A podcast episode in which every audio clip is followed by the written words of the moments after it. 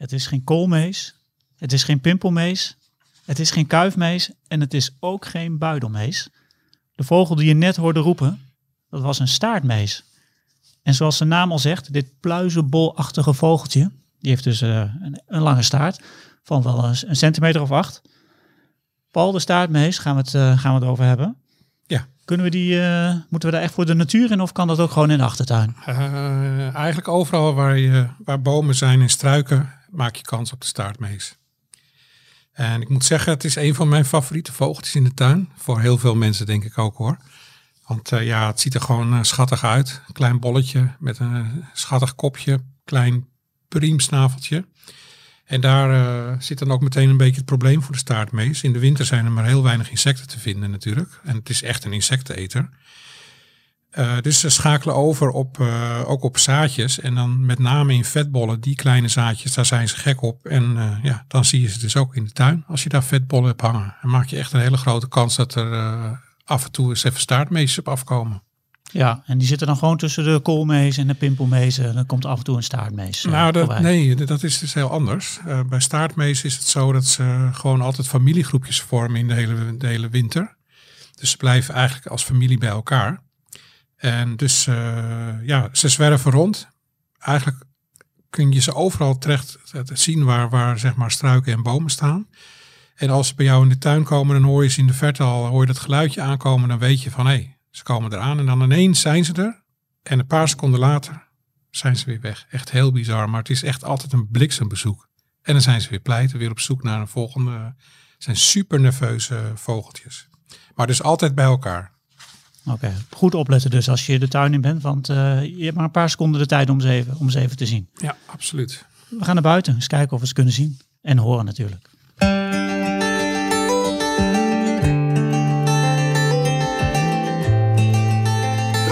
presenteert Notenkrakers. De vogels fluiten buiten, wil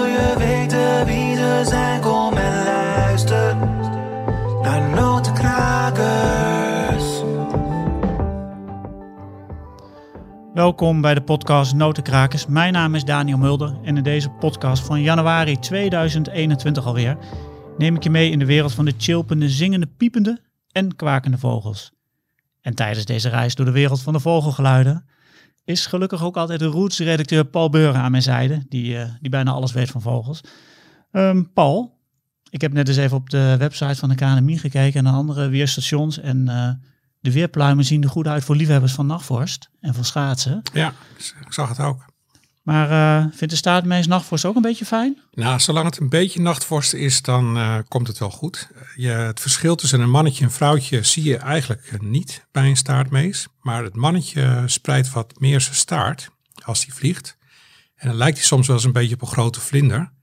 Uh, en dat blijkt uit onderzoek zo te zijn dat, zo'n, dat die staart dat, dat, zeg maar, dat uitspreiden en een beetje macho gedrag, dat dat woest aantrekkelijk is voor het staartmeesvrouwtje.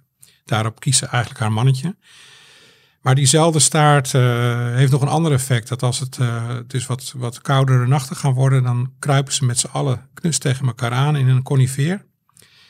En dan uh, wordt het één grote bol. en dan zie je alleen die staartjes nog uitsteken. Ik heb daar wel eens foto's van gezien. Nou, is echt geweldig mooi natuurlijk. En dan houden ze elkaar warm. En die staarten die steken er uh, dan gewoon uit. En uh, ja, is ongelooflijk schattig om te zien. Nou, dat, uh, dat klinkt lekker knus. Voor we verder gaan, verder gaan praten over de staartmees, ga ik even bellen met Timo Roeken van waarneming.nl om in vogelvlucht te horen wat er allemaal gebeurt in Vogelland, Nederland. In Vogelvlucht. Timo, goeiedag. Een hele goede dag. Leuk weer uh, te spreken. We hebben elkaar een tijdje niet gesproken, want het was een podcast uh, die was er tussenuit gevallen door wat verschuivingen binnen Roots. Maar mm -hmm. het is leuk om je weer aan de lijn te hebben. En, Hetzelfde. Ja, nou, we gaan gelijk ook in, in, tempo door. Je begint altijd met een bijzondere soort die is gespot en is, of is gezien in Nederland. En ja. nou ja, je hebt nu een, een paar weken de tijd gehad om, om, wat mooi, om wat moois te verzamelen. Maar welke is er echt, welke springt er helemaal uit volgens jou? Ja, dan, uh, dan pak ik toch een, een recente vogel die nog eigenlijk nog steeds zichtbaar uh, is. Die kun je nog steeds opzoeken in Zeeland. En dat is de kortbek zeekoet. Leuk woord voor Scrabble. Kortbek zeekoet. Ehm, ja, is gewoon, we hebben in Nederland hebben we wel vaker zeekoeten. Eh, zeker in de winter, die drijven dan een beetje aan de kust. En dan hebben we ook nog de zwarte zeekoet. Die is nog een stukje zeldzamer. En als we dan nog een zeldzamere stap doen, en dan komen we wel uit bij de kortbek zeekoet. Dat is uh, ja, de meest noordelijke zeekoet die we hier kunnen treffen. En waarom is die uh, zo zelf? Ik bedoel, is het eens per jaar dat hij gezien wordt? Of is, dat, is dit voor het eerst? Kun je er iets over zeggen? Nee, is niet, is niet de eerste. Ja, er zijn wel een aantal vogels gezien in Nederland. Um, maar vaak uh, die, ervaring heeft Paul volgens mij ook. Vaak loopt het niet zo goed af met deze soort in Nederland. Want als ik eens even naar het lijstje kijk, wat, uh, de eerste vogel werd uh, in Nederland gevonden op 24 december 1919. Nou, dat is inmiddels alweer 102 jaar geleden. Um, en die vogel werd doodgevonden, maar ook de vogels uit 1924, 1969 en 1974 werden doodgevonden. En ook de vogels uit 1981, 1992 en 2018. Dus het is een soort dat als die hier terechtkomt, dan is de levensverwachting niet zo hoog. En dat maakt het, des te, ja, dat maakt het meer bijzonder, zeg maar, dat hij nu al een aantal dagen al levend te zien is in uh, Zeeland. Ja, want, want waarom overleven ze het niet hier dan? Ja, dat is een goede vraag, Daniel. Dat, ja. uh, daar heb ik zo snel geen antwoord op. Maar ik, ik, ik, kan wel een gok wagen. Ik denk dat het te maken heeft met het feit dat ze, als ze hier al zo zuidelijk zijn, dan zijn ze misschien verzwakt. Het water is hier natuurlijk een stuk warmer, dus ik weet niet of het voedselaanbod optimaal is.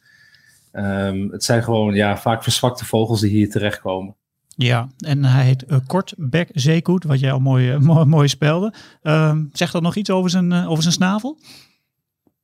Jazeker, ja, die is, die is inderdaad korter. Het is een redelijk subtiel, hoor, moet ik eerlijk zeggen. Dat op het moment dat uh, het is niet zo dat uh, onze eigen zeekoet een ontzettend lange snavel heeft en de kortbek zeekoet een stompje. Um, um, als je het verschil weet, dan is het te zien. Maar ook de, uh, het is wel leuk, want oorspronkelijk werd de vogel volgens mij voor het eerst gezien op 30 december vorig jaar. Maar toen werd hij dus ingevoerd als zeekoet. En toen een aantal waarnemers op uh, 3 januari ook een, een zeekoet zagen met een korte snavel, toen is er een kortbek zeekoet van gemaakt. En toen hebben de mensen op 30 december toch gedacht van nou laten we de foto's eens even overnieuw bekijken of opnieuw bekijken. En toen kwam er, uh, ja, toen, werd inderdaad geconstateerd dat zij ook al de kortbek zeekoet hadden. Dus het, het, ook door ervaren vogelaars is het soms nog wel lastig te zien. En dat komt niet alleen omdat die snavel uh, niet heel veel langer is, maar het komt vaak ook natuurlijk door de omstandigheden waarop je zo'n vogel ziet. Ze, dobberen vaak ver op zee. Um, dus je hebt te maken met golfslag. Uh, het zijn vaak geen optimale waarnemingsomstandigheden. Ja, dus uh, verrekijker of telescoop mee als je hem uh, wilt zien. Maar hij is nog ja, steeds in levende lijven te aanschouwen? Ja, nog wel. Tenminste, gisteren nog wel. Gisteren nog wel, ja. Oké. Okay. Dus wie hem nog wil zien, die moet, die moet waarschijnlijk snel, snel bij zijn. Um, ja, jij pikt ook altijd nog even een vogelsoort uit die jij zelf uh, interessant, opvallend, uh, intrigerend vindt of uh, welk woord je eraan wil hangen. Mm -hmm. Welk heb je daar deze keer voor gekozen? Ik heb voor twee, twee soorten gekozen. Ik ben, ik ben zelf, zoals ze dat zo mooi noemen in de vogelaarswereld, een larofiel. dat klinkt wat smeriger dan het is. Um, dat betekent simpelweg dat je van meeuwen houdt, van grote meeuwen. En ik vind meeuwen gewoon heel erg interessant. Um, meeuwen zijn leuk om naar te kijken, vooral omdat ze verschillende leeftijdsgroepen hebben. Dus het is vaak interessant om te kijken uh, hoe oud een meeuw is. En in de winter heb je in Nederland ja, vaak de zogenaamde wintervogels. En dan kijken we logischerwijs kijken we dan vaak naar watervogels. Omdat het ijs in de koudere regio's, uh, ja, het water bevriest natuurlijk in de koudere regio's en ook de grond. En daarbij denken we al snel aan eenden, ganzen en zwanen. Maar vaak vergeten we de meeuwen. En er zijn in Nederland ook gewoon twee leuke meeuwen vaak te zien in de winter. Dat zijn de kleine en de grote burgemeester.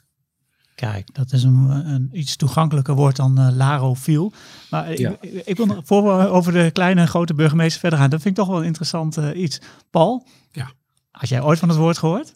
Larofiel, ja natuurlijk. Ja, zeker. Waarom zeg je nooit eens nee? Gewoon nee, heb ik nooit van gehoord. ja, dat is, uh, ja, je hebt, je hebt gewoon uh, vogelaars en je hebt vogelaars. En ja. uh, vogelaars die je naar meeuwen. Ja, de meeuwen en de steltlopers zijn gewoon de moeilijkste categorieën om uit elkaar te houden. Ik zeggen, ik hoor je altijd mopperen over meel, over, over die, over die kledensoorten per, per, per, jaar. En... Ja, ik moet je zeggen, ik ben zelf best wel, ik vind zo'n burgemeester echt heel mooi. Maar zolang het, zodra het naar de ingewikkeldere soorten gaat, en dan noem ik bijvoorbeeld een pontisch en een geelpotmeel, die zit wat meer in het oosten, dus waar, waar Timo woont. Dus die hebben daar uh, wat meer ervaring met die soorten. Maar ze zitten ook bij mij in de buurt. Nou, ik moet echt vier, vijf, tien keer kijken, wil ik hem eruit halen. En dan moet je echt super geoefend oog voor hebben. En geduld en inzicht. En uh, ik heb er heilig respect voor, laat ik het zo zeggen. Ja, nou Timo, je hoort het. Het, is, het is niveau ja, kunnen. Ik weet niet of het persoonlijk was, maar toch bedankt Paul. maar even kleine grote burgemeester. Uh, nu in deze, deze maanden, ja. maand, maanden dus te zien. Alleen langs de kust van Nederland? Ja, normaliter wel. Of, daar, daar zit het gros van de, van, de, van de kleine en grote burgemeesters zitten inderdaad aan de kust. Het is ook gewoon familie van de zilver en de kleine mantelmeeuw bijvoorbeeld. die zien we in Nederland gewoon heel erg vaak. Dat zijn best wel algemene meeuwen. Kleine mantelmeeuw is wat lastiger in Nederland in de winter. Maar zilvermeeuwen zitten er vooral waar Paul woont, daar aan de kust. Daar, ja, die struikelt er nog net niet over, denk ik. Daar ben ik dan jaloers op, want die zitten hier gewoon niet zoveel. Um, en je herkent die kleine en grote burgemeesters eigenlijk relatief makkelijk. Je hoeft daar niet echt een hele grote kenner voor te zijn, want ze hebben witte handpennen. En dat zijn als ze zeg maar uh, zitten, dan zie je vaak bij de grotere meeuwen, zoals de zilver en de kleine mantelmeeuw, zie je altijd zwarte handpennen. En dat zijn de zwarte vleugelpunten zeg maar aan het eind als ze gewoon zitten. En bij een kleine en grote burgemeester zijn deze dus wit. En dat is redelijk uniek. Oké, dus dat is voor, uh, voor de wat minder, uh, minder mensen die wat minder bekend zijn met mail. Je ja. wat een ingewikkelde zin is dat. Moet je daar dus, uh, moet je daar dus op letten. Is, dat is het kenmerk? Ja, dat is wel een van, een van de kenmerken. Dat is het makkelijkste kenmerk. Um, nou, je vindt ze vaak in gezelschap van, uh, van andere meeuwen, dus in, uh, vaak in grotere groepen wel. En als je ze wil uh, vinden, nou, zoals je net al zei, aan de kust kun je goed zoeken. Maar ook op grote slaapplaatsen in het binnenland. De meeuwen slapen vaak allemaal bij elkaar, net zoals kauwen en houtduiven dat doen in de winter. safety by numbers noemen ze dat. Hè? Hoe, hoe meer ervan zijn, hoe kleiner de kans dat jij er wordt uitgepikt door een, bijvoorbeeld een roofvogel of een vos. Uh, dus op, op het moment dat je een slaapplaats kent van meeuwen in het binnenland, dan, dan loont het echt om daar te kijken. En ook vuilnisbelten zijn altijd een goede plek. Uh, het ruikt er wel wat minder fris, maar het is een goede plek om meeuwen te bekijken. Ja, en, en uh, tot wanneer zijn ze te zien in Nederland? Ja, nog wel. Dat, dat duurt meestal wel gedurende de winter. Soms blijft nog een, een, vogel wat langer hangen. Maar in de winter is wel de beste periode. Ja, maar, maar ehm, is het een kwestie van naar de kust rijden en geduld hebben? Of is het echt wel even geluk hebben ook? Nou, wat misschien wel leuk om te vermelden is even dat in uh, Julianadorp zit een, uh, een kleine burgemeester. En die zit daar al voor het vijfde achtereenvolgende jaar. En die zit vaak op, op een huis, schoorsteen van een huis aan de Callensogervaart. En toevallig woont mijn zoon daar om de hoek, dus ik uh, ben daar elke week. Dus ik rij altijd even een extra rondje. En ja, die, die, die is nu voor het vijfde achtereenvolgende jaar teruggekeerd. Wat heel bizar is, want die beesten die broeden voorbij uh, Groenland zo'n beetje. Dat die vogel dan elk jaar weer daar langs dat ene vaartje gaat zitten. En wat, wat nog veel bizarder is, die vogel, die, die, die, uh, je gooit dus brood uit. Je gaat er naartoe, je gaat staan op een bruggetje, je gooit brood uit. Daar komen dus kokmeeuwen en stormmeeuwen en zilvermeeuwen op af. En dan opeens, dan is hij er. Want dan gaat hij op zijn favoriete schoorsteen zitten. En hij komt dus niet naar beneden om het brood te pikken. Maar hij gaat dus achter een meeuw aanjagen en pakt van zo'n meeuw dan het brood af. Dat is zijn methodiek. Ja. Dat is echt geweldig. Maar dan hebben we het over, over één, uh, één exemplaar. Ja, um, maar wat zegt dat over de, wat, wat ik net even uh, vroeg? Hoe, hoe, hoe, uniek is zo'n waarneming? Of is het wel, als je naar de kust rijdt, dan zie je er op een gegeven moment wel één voorbij komen? Nou, zo makkelijk is het net niet. Um, maar er zijn inderdaad, wat Paul zegt, er zijn wel bekendere plekken. En meestal zitten er elke winter, de, volgens mij staat er ook een hele tijd lang ergens in het uh, Amsterdam Centrum, staat er volgens mij ook ja, eentje. Ja, zit er ook al jaren in. En bij Medemblik ja. zit nu een grote burgemeester. Die zit daar bij dat uh, gemaal. Ook ja. al eigenlijk een week of twee uh, vaste plek. Maar als je gewoon op waarneming.nl ja, kijkt op burgemeester, dan zie je vanzelf de plekken waar ze waar ze zitten. Waar ze zitten ja. En nou. ze zijn vaak wel redelijk plaatstrouw. Dus als je een uurtje of twee voor uittrekt, maak je echt wel een kans om te zien. Nou, uh, even checken dus bij, uh, op jullie site, de Team Waarneming. Ja. Um, nou, mooi, eh, mooi om te horen. Dat je, ik wist helemaal niet dat jij, eh, eh, dat, ah, dat er een woord was voor meeuwliefhebbers. En ik wist ook niet dat jij het was, dus ik heb weer eh, van alles bijgeleerd. Ehm, we gaan nu naar de, eh, naar de soort overstappen waar deze podcast over gaat, de staartmees. Ik weet niet, heb je al even gecheckt op, eh, op waarneming of die al eh, flink is ingevoerd? Ja, dat is een soort die eigenlijk, ehm, eigenlijk wel veel wordt ingevoerd bij ons. Het heeft ermee te maken dat het is, ehm, eh, het is net geen kool en sta of het is net geen kool en pimpelmees. En hij, heeft, hij ziet er natuurlijk ontzettend schattig uit, vinden veel mensen. Dus dat is wel de reden waarom die veel wordt ingevoerd. Ja, en is het een, soort die je eigenlijk in heel Nederland eh, eh, kunt zien? Ja, is- de soorten zijn eigenlijk in heel Europa is die, eh, is die goed te zien. En ook in heel Nederland. De enige plek waar die volgens mij wat minder zit, dan is, dat is in het westen van de provincie Friesland. Maar voor de rest is die eigenlijk in heel Nederland gewoon goed te vinden. En hij valt ook gewoon heel erg op, omdat hij het geluid dat ze maken, het, is een, ja, het zijn drietal soort geluidjes. het, is, het is een heel snel CCC-achtig achter elkaar. Ja, dat hoor je eigenlijk overal. En ze zijn super nieuwsgierig. Dus als je zelf een beetje die geluidjes na kunt doen, of na kan doen, dan eh, zie je al snel dat ze naar je toe vliegen en even om de hoek kijken wat er te doen is. Ja, ehm, hebben jullie, Paul en Timo, ik vraag deze vraag aan jullie allebei. Toen we net begonnen voor de podcast, hadden jullie over de jaarlijst jullie allemaal allebei bijhouden. Staartmee staat er al op? Ja, dat is wel op zich een, eh, een inkoppertje. Want ja, als je rondje fietst rondom je huis en je gaat door een parkje of door een bos, dan, dan, dan heb je ze al. Dan wel. heb je hem. Timo, jij ook? Ja, hier hetzelfde. Ook ingekopt. Oké. Ehm, goed, een soort dus die je in heel Nederland kunt zien, eh, vrij makkelijk is eh, waar te nemen. Is die ook makkelijk eh, te horen? Ja, ze zijn, ze zijn mega luidruchtig. Ik heb altijd het gevoel dat als er zo'n groep met staatmezen aankomt, je, je hoort en ziet ze van ver. Het is net alsof er een, gro- een groep met pubers aankomt. Ehm, ja, ze, ze, ze, het lijkt wel alsof ze zich ook niet zo heel veel van hun eigen omgeving aantrekken. Ja, ze maken dus flink, flink wat eh, contact eh, onderling. Ik, had, eh, ehm, ik, ik heb trouwens ook nog een, een contact, ik zal hem even laten horen. Ik weet niet of je het een beetje meekrijgt, Timo. Ja, zeker. Ja, dat is natuurlijk de, de, de contactroep. En we hebben ook nog de, de alarmroep die ze een beetje maken.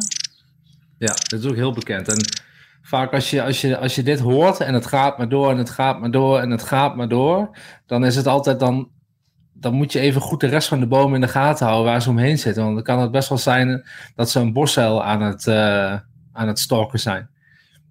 Nou, en, waarom doen ze dat? Ja, ze zijn er gewoon niet zo blij mee dat die boszeil daar zit. Dus wat ze doen is ehm, eh, er gewoon de hele tijd een beetje omheen vliegen en heel veel kabaal maken in de hoop dat die boszeil weggaat. Eh, ik weet niet of jij het ooit hebt gezien, Paul, maar ik heb nog nooit een boszeil zien wegvliegen door die staatmezen. Maar... Nee, nee, zeker niet. Ja, of een kat hè, in de tuin. Als Ja, een kat, kat zit, ook, dan ja. eh, reageren ze ook daar enorm op.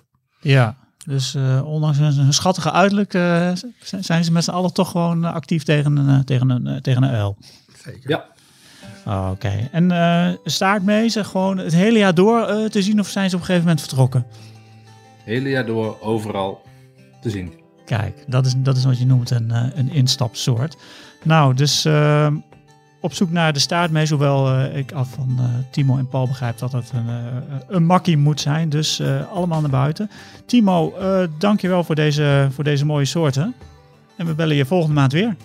Oké, tot dan. Dat was Timo Roeken van waarneming.nl. Hij werkt er als projectleider. En iedere maand bellen we met hem om te horen wat, eh, wat er allemaal gebeurt in Vogelland, Nederland. En we hebben het hard gehad over de kortbek zeekoet en de kleine en grote burgemeester. Een van de favoriete soorten van, eh, van Timo. De mooie vogelgeluiden die je hoort in notenkrakers komen van de app Bird Sounds Europe. Henk Meeuwsen, die ook voor ons Vogelmagazine schrijft over vogelgeluiden, heeft veel van die geluiden voor deze app opgenomen. Achter deze geluidsopnames schuilen mooie verhalen en daarom heb ik met Henk afgesproken op het Veluwse landgoed Staverde om te luisteren naar zijn verhaal achter het geluid van de staartmees.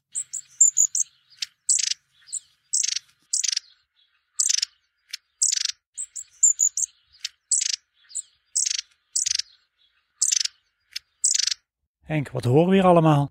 Voor mij is dit het geluid waar ik een keer ontzettend van in vervoering ben geraakt als beginnende vogelaar. In de puberteit?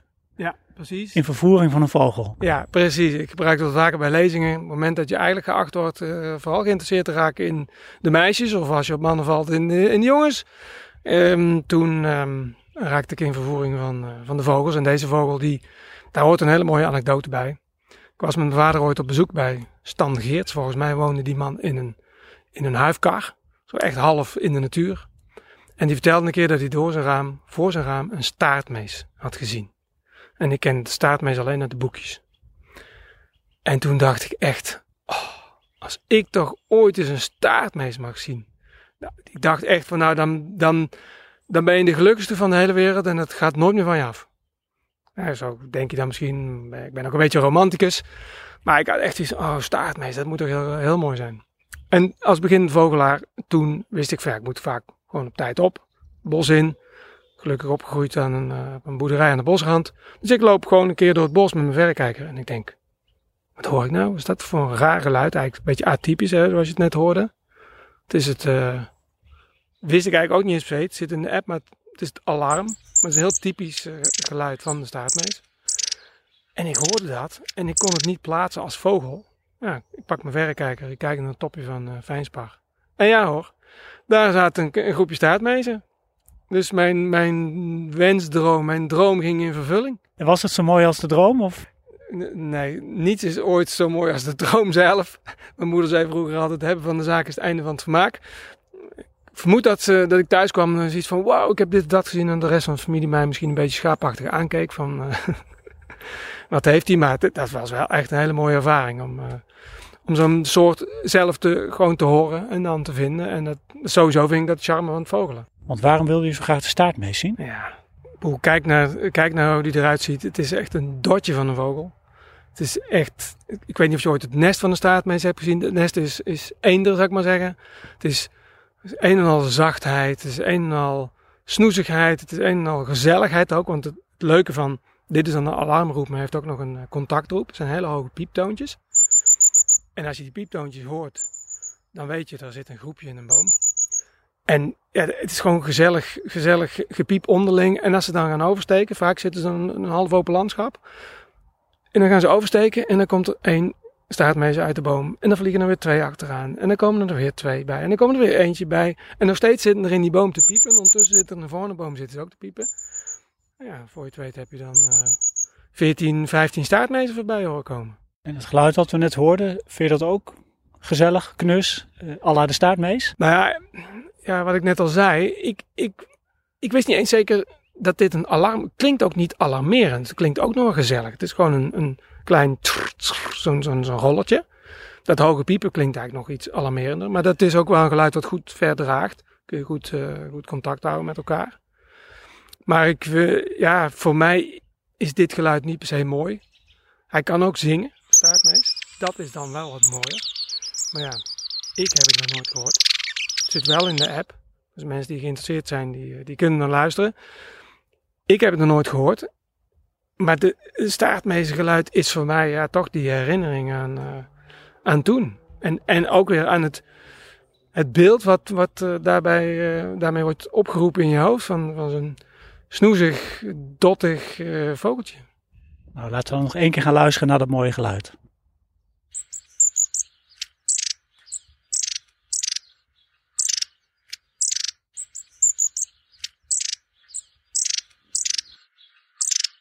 Je luisterde naar het verhaal van Henk Meeuwse. En Paul, uh, toen ik met Henk uh, die opname aan het maken was, toen uh, kwam ook nog even te sprake de staart, waar we het al eerder over hadden. Ja, die lange staart. Die lange staart van, uh, van de staartmees. En Henk vroeg zich af, waar laten ze die staart eigenlijk als ze hun, hun nest bouwen? Want Henk vertelde ook even kort dat, dat ze een soort bolvormig, flesvormig nest hebben. Maar misschien kun jij daar even wat meer over vertellen. Nou, die uh, raken ze dus niet uh, makkelijk kwijt. Dat is eigenlijk het hele verhaal. En wat ik ook begrepen heb, is van mensen die uh, vogels inventariseren. Dus die zeg maar onderzoek doen naar, naar broedvogels in Nederland. Die zien vaak aan een staartmees of het een vrouwtje is die net uit het nest komt. Want die staart is dan helemaal verfomfraaid. En ze kunnen die staart dus echt niet kwijt. Dus dat is een kwestie van vouwen en een beetje meten en ja, het ziet er gewoon inderdaad in de broedtijd niet uit aan zo'n staart. En dan kunnen ze, ze kunnen hem gewoon helemaal niet kwijt. Ja. Je vraag je ook inderdaad wel eens af eh, waarom zo'n vogel zo'n lange staart dan eh, heeft. Zo'n extra, die zit ook in zo'n eh, in zo'n bolvormig nest. En zo'n staartmeesje natuurlijk ook. En ja, blijkbaar komt het allemaal goed. Ja, want, want die staart, dat zeiden we al even, die is een centimetertje of, eh, of acht lang. Het vogeltje zelf is eh, iets kleiner, dus al met al meet hij een centimeter of 15. Hoe groot is dat nest dan? Weet je, weet je daar iets over? En hoe ziet dat nest eruit? Kun je dat dus Ja, uitleggen? ik denk dat zo'n nest eh, zal ongeveer eh, een centimeter of twintig in doorsnee zijn. Het zal gewoon eh, afhangen van de, de plek in de, in de struiken. Ze bouwt zowel onderin als bovenin een naaldboom trouwens. En het is een soort, eh, ja, het is een, nest wat bestaat uit, eh uit korstmos en met spinnenweb eh, in elkaar eh, gevlochten. Eigenlijk een heel prachtig nestje. Maar ik moet je eerlijk zeggen, ik heb ooit één keer in mijn leven zelf een gevonden. Zo, zo goed kunnen ze dat verborgen houden. Dus, maar het, het ziet er heel mooi uit. Het wordt helemaal in elkaar gevlochten. En ja, Mooi, eh, ik las trouwens ook nog dat ze, wat jij net al zei, ze maken dat van mos en veertjes, hè, dat nest. ja, klopt. Maar dat gaat om, om honderden eh, veertjes en stukjes mos en, en zo wordt het langzaam dichtge, dichtgemetseld. Ja, het is heel ingenieus gemaakt. Je snapt eigenlijk niet hoe ze dat doen. Maar eh, het is echt gewoon een kunstwerkje eigenlijk. Ja, ik zat, Ja. ik zat gisteren nog even op YouTube wat, wat filmpjes van, van de staartmees te bekijken. En dat deed ik eigenlijk naar aanleiding van een, eh, van een telefoontje wat ik kreeg van Niels Kooijmans, een fotograaf die, die ook voor Roots eh, fotografeert. En die meende zich te herinneren, lang geleden, uit een lezing van het IVN, dat de staartmees zijn staart in kan klappen in het nest. Maar hij zei van, vraag Paul, die weet dat misschien wel. Ja, dat klopt ook. Ze moeten hem gewoon op een bepaalde manier dan invouwen. Ja, Maar eh, ja, het, het, het ziet er gewoon niet uit dan als het beest er helemaal uitkomt. Maar ja, dat heb je met, met eigenlijk alle broedvogels hoor. Eh, als ze op die eieren zitten, dat gewoon die veren, dat wordt gewoon, ja, dat wordt gewoon een rommeltje. En eh, ja, daarna dan, dan strijken ze dat gewoon met hun snavel en eh, met wat vocht weer recht. En eh, het is verbazingwekkend hoe, hoe die veren zeg maar weer een, een gewone vorm terugkrijgen. Als dat eenmaal weer voorbij is, die periode. Dus dat, dat komt allemaal wel goed. ja oké. Dus als die, de, de staart weer helemaal mooi is, dan, dan zien we een mooi staartmeesje weer vliegen. Nogal snel, als ik jou ook begrijp. Kun je eens even eh, beeldend omschrijven hoe een staartmees eruit ziet? Nou, het, is gewoon eigenlijk een bolletje met een lange staart. En eh, ze hebben een, eh, ja, het is een soort mengelmoes van zwart, wit en roze met zwarte streepjes over het lichaam en in de staart. Het bizarre is eigenlijk dat ze, dat ze hebben het wel eens over het goudhaantje, dat dat het kleinste vogeltje van Europa is. Maar als je die staart eraf trekt, die normaal 7 tot 9 centimeter lang is, en je gaat naar dat de totale lengte met staart 13 tot 15 centimeter is, ja, dan kun je rustig zeggen dat de staartmees eigenlijk het kleinste vogeltje van Europa moet zijn. Want eh, ja, dat, dat zal een lichaampje zijn van 7 centimeter, terwijl de goudhaan, goudhaan eh, 8,5 tot 9 meet. Dus in feite is zo'n staartmees gewoon eh, het kleinste bolletje van, van Europa. Ja, en wat dan zo wat dan zo ongelooflijk bijzonder is, is dat eh, als je hem ziet vliegen, is het gewoon een bolletje met een lange staart. Ze zijn ontiegelijk bewegelijk, heel nerveus, altijd in beweging. En eh, ja, dat is eigenlijk het meest wat opvalt. Ze komen aan, je hoort ze, je ziet ze even in een flits voorbij komen. Ze, hangen aan alle kanten in een struik. Je kan bijna niet, niet, niet eentje in je beeld, kijkerbeeld krijgen.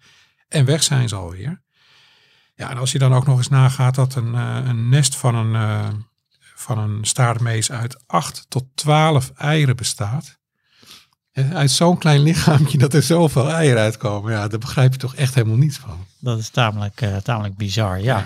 Maar dat verklaart zoveel eieren, verklaart misschien ook een heel klein beetje waarom het volgens mij best wel redelijk goed gaat, toch, met de staartmees? Ja, het gaat. eh, de- ik heb het even nagekeken in de recent eh, verschenen Vogelatlas, die twee jaar geleden verschenen is. Daar staat echt heel veel informatie in van de laatste jaren. Het blijkt dus dat eh, ze het areaal hebben uitgebreid. Dus eh, wat Timo al zei, ze ontbreken eigenlijk alleen maar in eh, West-Friesland of de kop van Groningen en misschien wat in Zeeland waar, hè, waar weinig bomen en struiken zijn. Het aantal daarentegen is wel een stuk minder geworden. En dat zie je eigenlijk in grotere delen van Europa ook, behalve Engeland. Daar heb je natuurlijk ontzettend veel heggenlandschappen en nog steeds. Maar dat is iets wat in Nederland echt verdwijnt. In, eh, je hebt steeds meer tuinen die bestaan uit stenen, struiken worden eruit gehaald enzovoort. En dat werkt dus in het nadeel van, eh, van de staartmees die daar juist graag zijn nest in bouwt. Dus de algemene tendentie is wel dat ze, dat ze wel wat achteruit zijn gegaan in aantal. Ja. En hebben ze eigenlijk eh, vijanden? Want Timo vertelde net dat ze gewoon als groepje rustig een elp of proberen weg te jagen. Nou, in principe worden ze gepakt door sperwer en, en door valken. Maar omdat ze heel veel in dichte struiken leven, acht ik eh, de kans eigenlijk dat ze heel vaak gepakt worden niet heel. Ja, het enige waar ze wel eh, eh, echt heel snel eh, door kunnen overlijden is als het echt langere tijd koud wordt. Ja. En dan heb je het dus over een lange vorstperiode. Dat, dat, eh, het is niet alleen maar een beetje nachtvorst, waar we in het begin van de uitzending over hadden, maar een langere periode met strenge vorst. Dat is vaak voor die kleine vogels echt desastreus.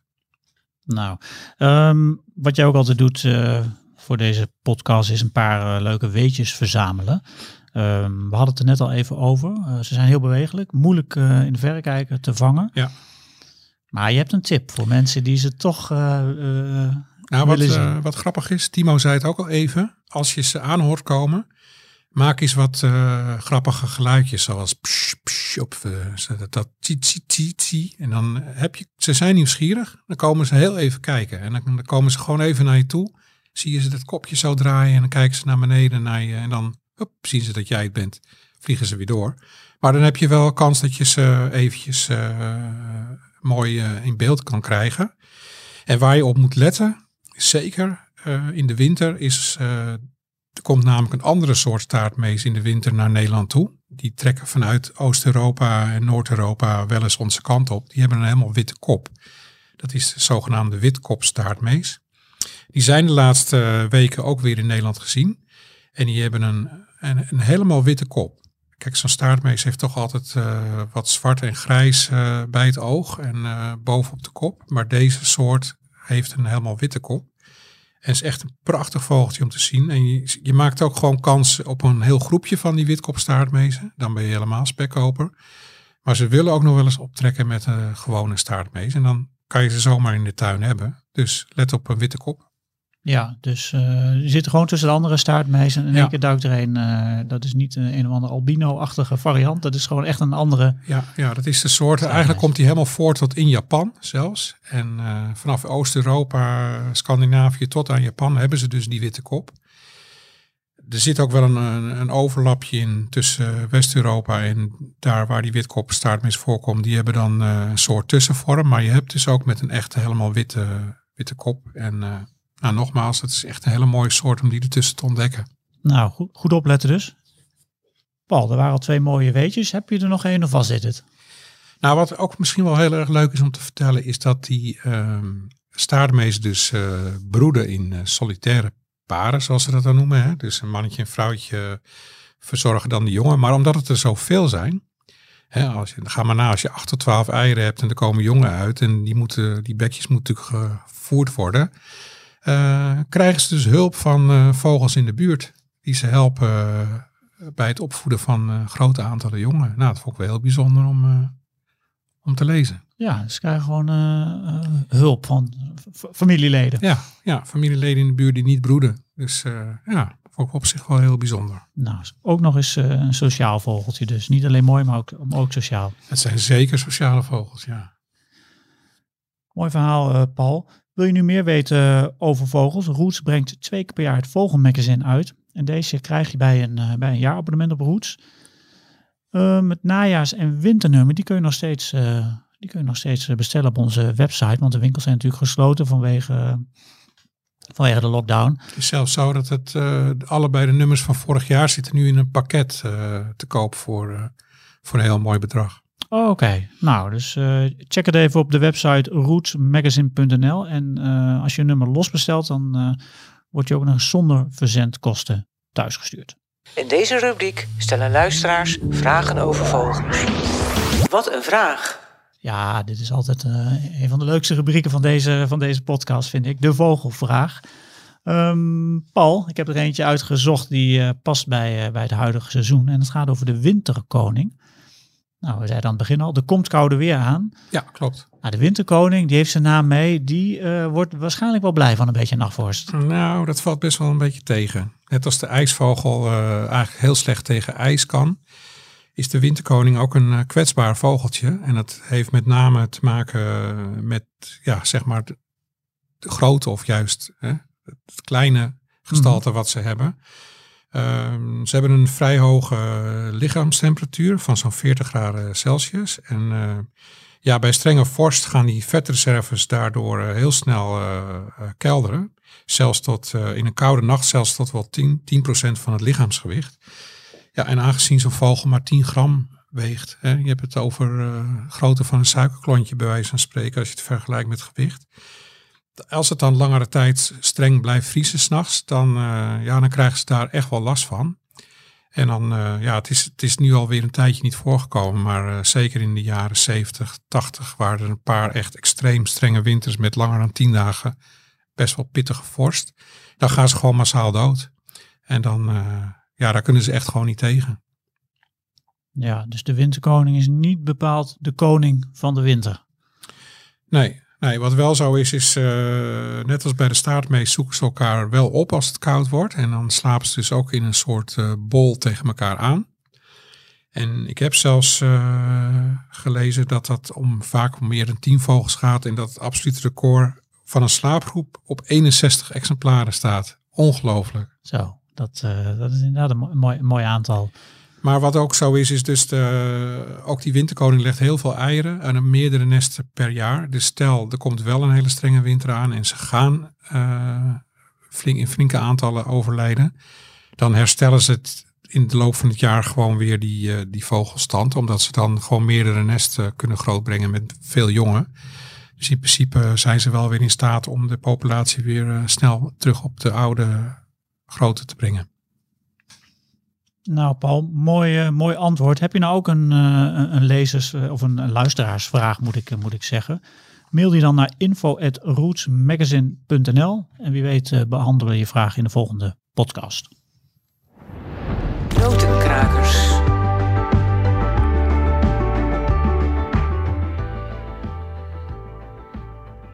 De geluiden die je in deze podcast hoorde, die komen van, eh, van de app Bird Sounds Europe van, eh, van Henk Meeuwse.